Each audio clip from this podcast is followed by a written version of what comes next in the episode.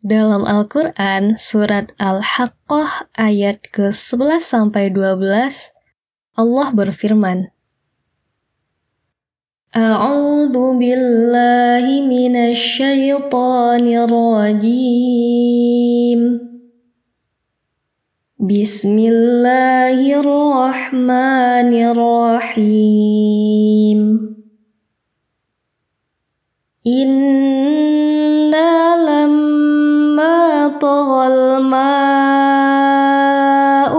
hamalnakum fil jariyah linaj'alaha lakum tadhkiratan wa ta'iyaha udhunu wa'iyah yang artinya Sesungguhnya ketika air telah naik sampai ke gunung, kami bawa nenek moyang kamu sekalian ke dalam bahtera, agar kami jadikan peristiwa itu peringatan bagi kamu sekalian, dan agar diperhatikan oleh telinga yang mau mendengar.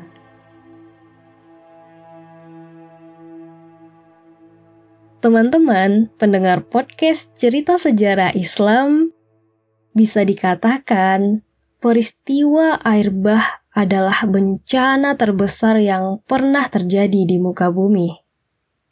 Sampai hari kiamat nanti, tak akan ada bencana yang lebih besar dari peristiwa air bah ini.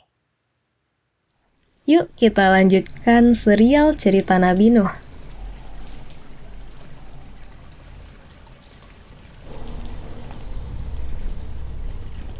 Hujan terus-menerus turun.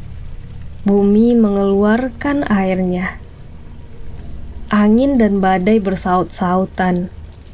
Manusia, hewan, puing-puing reruntuhan bangunan timbul tenggelam di perairan. Ahli tafsir mengatakan bahwa air terus bergerak naik hingga mencapai ketinggian 15 hasta di atas gunung. 15 hasta itu sekitar 7 meter loh teman-teman. Airnya lebih tinggi 7 meter daripada gunung tertinggi di muka bumi.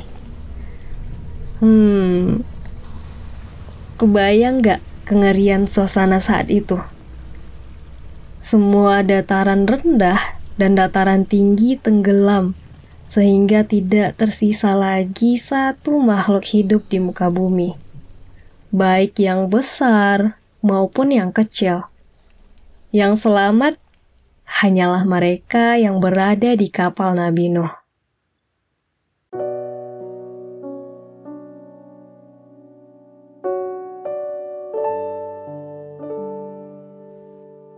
Kapal Nabi Nuh berlayar mengarungi air bah selama 150 hari. Setelah 150 hari, kapal itu berlabuh di Bukit Al-Judi selama satu bulan. Allah pada akhirnya menghentikan hujan dan meminta bumi menyerap airnya. Keadaan di bumi sangat mengenaskan. Bumi terendam air selama berbulan-bulan. Ribuan tumbuhan mati, begitupun hewan dan manusia. Nabi Nuh amat sangat sedih melihat keadaan di sekelilingnya.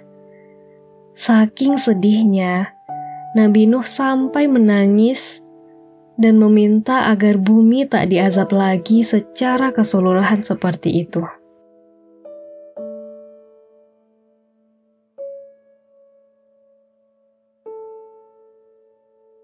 Laki-laki, perempuan, tua, muda, miskin, kaya, semua yang dulu menghiraukan dan menghina Nabi Nuh telah binasa. Allah menunjukkan kekuasaannya. Di saat itu, orang yang mendustakan jauh lebih banyak dibandingkan yang beriman. Iblis memperoleh kemenangan yang besar. Usaha iblis untuk menjerumuskan manusia berjalan sangat lancar. Kelak, di neraka, iblis memiliki banyak teman sependeritaan.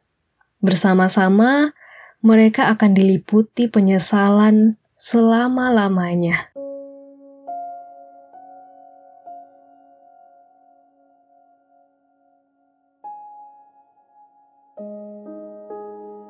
Setelah keadaan kembali tenang, kehidupan baru pun dimulai. Tumbuhan dan binatang yang sebelumnya dimasukkan ke dalam kapal mulai dikeluarkan. Sedikit demi sedikit, bumi mulai menghijau lagi. Sedikit demi sedikit, binatang-binatang bertambah jumlahnya. Sedikit demi sedikit, peradaban baru mulai terbentuk. Teman-teman, kadarullahnya Nabi dan pengikutnya sendiri tidak melahirkan keturunan lagi. Hanya tiga anak kandung Nabi Nuh yang memiliki keturunan. Hal ini telah disinggung Allah dalam Quran Surah As-Sofat ayat 75 sampai 77. Dalam ayat tersebut, Allah mengatakan, Dan sungguh Nuh telah berdoa kepada kami, maka sungguh kamilah sebaik-baik yang memperkenankan doa.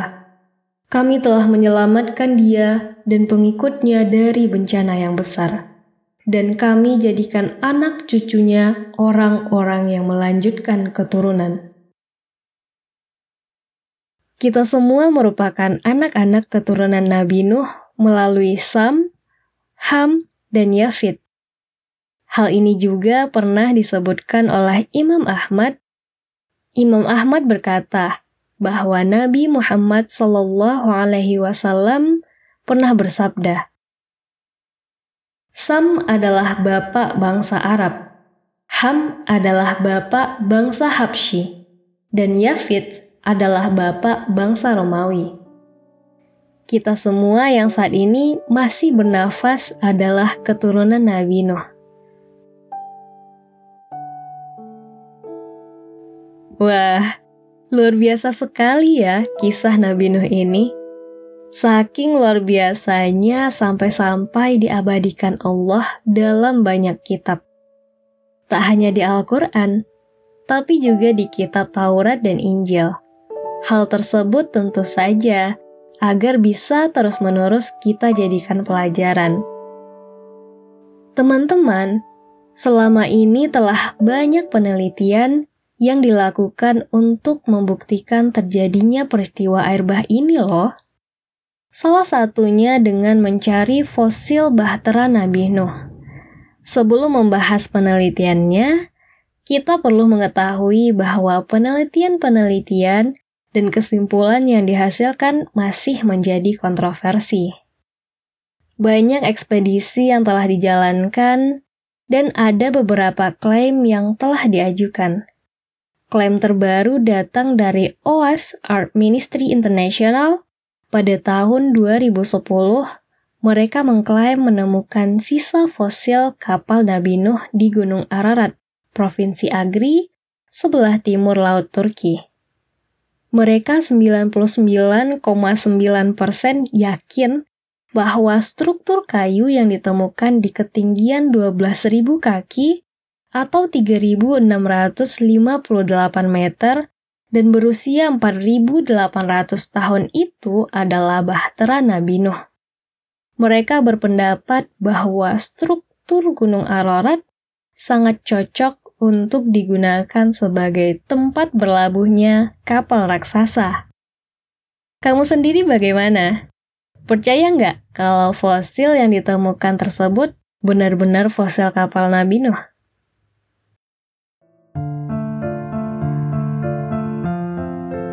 Cerita ke-57 ini kita akhiri sampai di sini. Tapi, serialnya sendiri belum berakhir ya. Masih ada satu episode serial kisah Nabi Nuh yang menunggu untuk kamu dengar. Al-Quran datang dari Allah, dan apa pun yang tertulis di dalamnya adalah suatu kebenaran. Kisah Nabi Nuh disampaikan pada kita bukan hanya sebagai cerita pengantar tidur, tapi sebagai peringatan dan bahan pembelajaran. Semoga dengan kisah ini kita sama-sama belajar. Terima kasih untuk tetap mendengarkan podcast cerita sejarah Islam. Wassalamualaikum warahmatullahi wabarakatuh.